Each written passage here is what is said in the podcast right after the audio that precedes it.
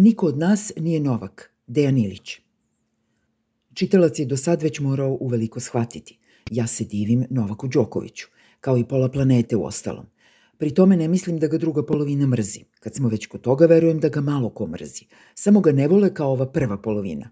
I da se odmah razumemo, to što je Đoković najbolji ikada na svetu, jedna je stvar. Druga je stvar u čemu je najbolji. Ta igra, kao i bezmalo svaka druga, nema previše smisla.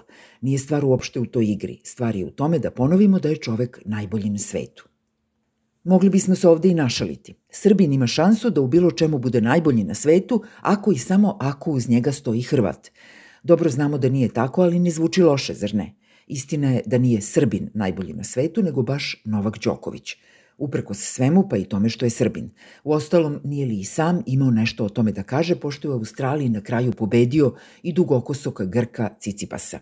Isplakao se sa svojima i onda podigao pehar.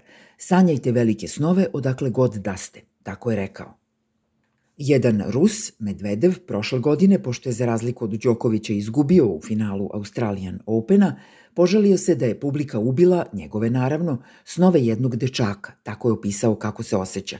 Kao da je Đoković ove godine hteo da mu kaže glavu gore dečače. Samo ne verujem da je zaista to hteo, naprosto je tako ispalo, jer ovo nije priča bili jednom jedan Srbin, Grk i Rus, dodajte Španca po volji. Treba stalno ponavljati, priča je o Novoku Đokoviću i samo o njemu. Može i obrnuto, to je njegova i samo njegova priča. I baš zato što je tako, priča bi mogla biti univerzalna, ali nije. Kada se gleda iz Srbije, Đoković nije Novak, nego je samo Srbin. Kao Srbin, on se nekome tamo osvetio, pokazao im, bio je jači od svih. A oni su mu podmetali, vređali ga i zapravo nikada ga neće voleti samo zato što je, pa šta drugo nego Srbin. S druge strane, ako gledate na sve to recimo baš iz Australije, Đoković vas baš ni ne zanima previše, jer vi ste uglavnom hteli da gledate Australijanca, Kiriosa. Naravno, pošto se Australijanka Barti povukla – Vesti tamošnje naime kažu da je Kanal 9 izgubio veliki novac jer je prenose ovogodišnjeg turnira u Melbourneu na TV-u gledalo oko 4 miliona manje gledalaca nego prošle godine. A to nije zato što je prošle godine do finala stigao i pobedio jedan španac Nadal umesto Srbina. Naprotiv, Australijanci su sedeli ispred televizora da vide Kiriosa, Australijanca, u finalu muških dublova i Bart, Australijanku, u finalu teniserki. Ispali tako Australijanci kao Srbi. Ne zanima ih sport, nego ih zanimaju samo njihovi, šta god da igraju. Očajni Kanal 9, koji je samo par meseci pred turnir dao pola milijarde dolara da obnovi prava na prenose do 2030. kada je video da gledanost srlja nizbrdo, povređenom Kiriosu ponudio je da uživo komentariše mečeve, ali ovaj to odbio. Objasnio je da mora da se usredsredi na operaciju kolena. Da li Kyrgios zaista vuče sa sobom ogromnu gledanost, više i od najboljih tenisera na svetu? Apsolutno da, odgovaraju u glas australijski novinari. Pre nego što se 2022. Kyrgios sa Kokinakisom plasirao u finale dublova i pobedio, Australijanci gotovo da nisu ni znali da se tenis igra i u parovima, tako kažu. A opet, organizatori su se u završnoj noći turnira pohvalili da nikada nije bilo više ljudi na stadionu i oko njega, što im je opet bilo dovoljno da utvrde da je to bio najbolji turnir ikada. Bilo bi zanimljivo da smo mogli da čujemo šta je na to u živom prenosu rekao komentator kanala 9. Neka bude da su u pravu. Jedino što su propustili da kažu da su im tribine i poljane oko stadiona popunili ako drugi nego Srbi. Pa bismo tako mogli da proširimo šalu s početka – Nema Srbina na vrhu bez Hrvata, ni punog stadiona na Australian Openu bez Srba, samo što naravno nije tako.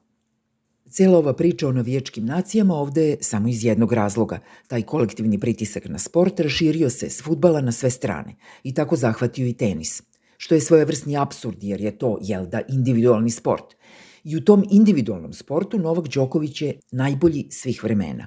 Možete to ako hoćete širiti na oca Srđana, na trenera Ivaniševića, na majku i braću, na fizioterapeuta, ali nećete dobiti futbalski klub. Na terenu s reketom ili na njemu Đoković je sam i zato je njegov uspeh za divljenje i za priču.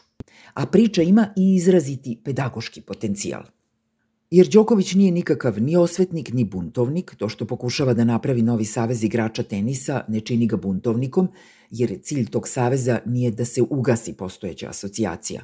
On je izrazito talentovan i vredni mladi čovek, do kraja posvećen svom poslu, sam Đoković tenis naziva svojim poslom. Uz to poštuje pravila i povinuje se odlukama institucionalnih autoriteta, čak i kada su te odluke u najmanju ruku sumnjive, kakva je bila odluka bivših australijskih vlasti da ga deportuju prošle godine ili u nešto manjoj meri diskvalifikacija sa US Opena 2020.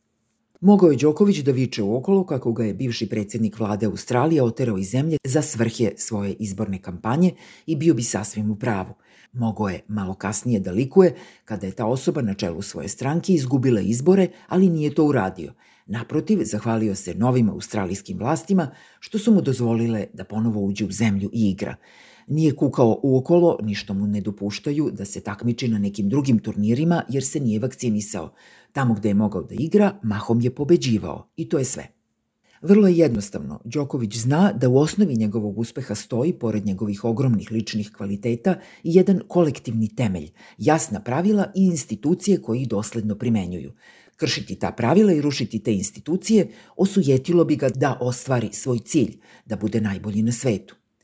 Povrh toga, on dobro zna i da kada si najbolji, pravila moraju da važe za tebe kao i za druge ako hoćeš da ostaneš na vrhu. Tako jednostavno, a tako teško da se shvati, od Australije do Srbije.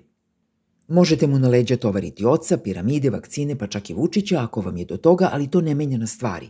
On je u svom poslu najbolji zato što je individualno, a ne nacionalno izvanredan i zato što to može da pokaže u jasno definisanim uslovima. Sve izvan toga je nebitno. Nažalost, ta jedino važna priča ponajmanje je zanimljiva, jer je s njom najteže identifikovati se i za gledaoce kanala 9 i za gledaoce u Srbiji.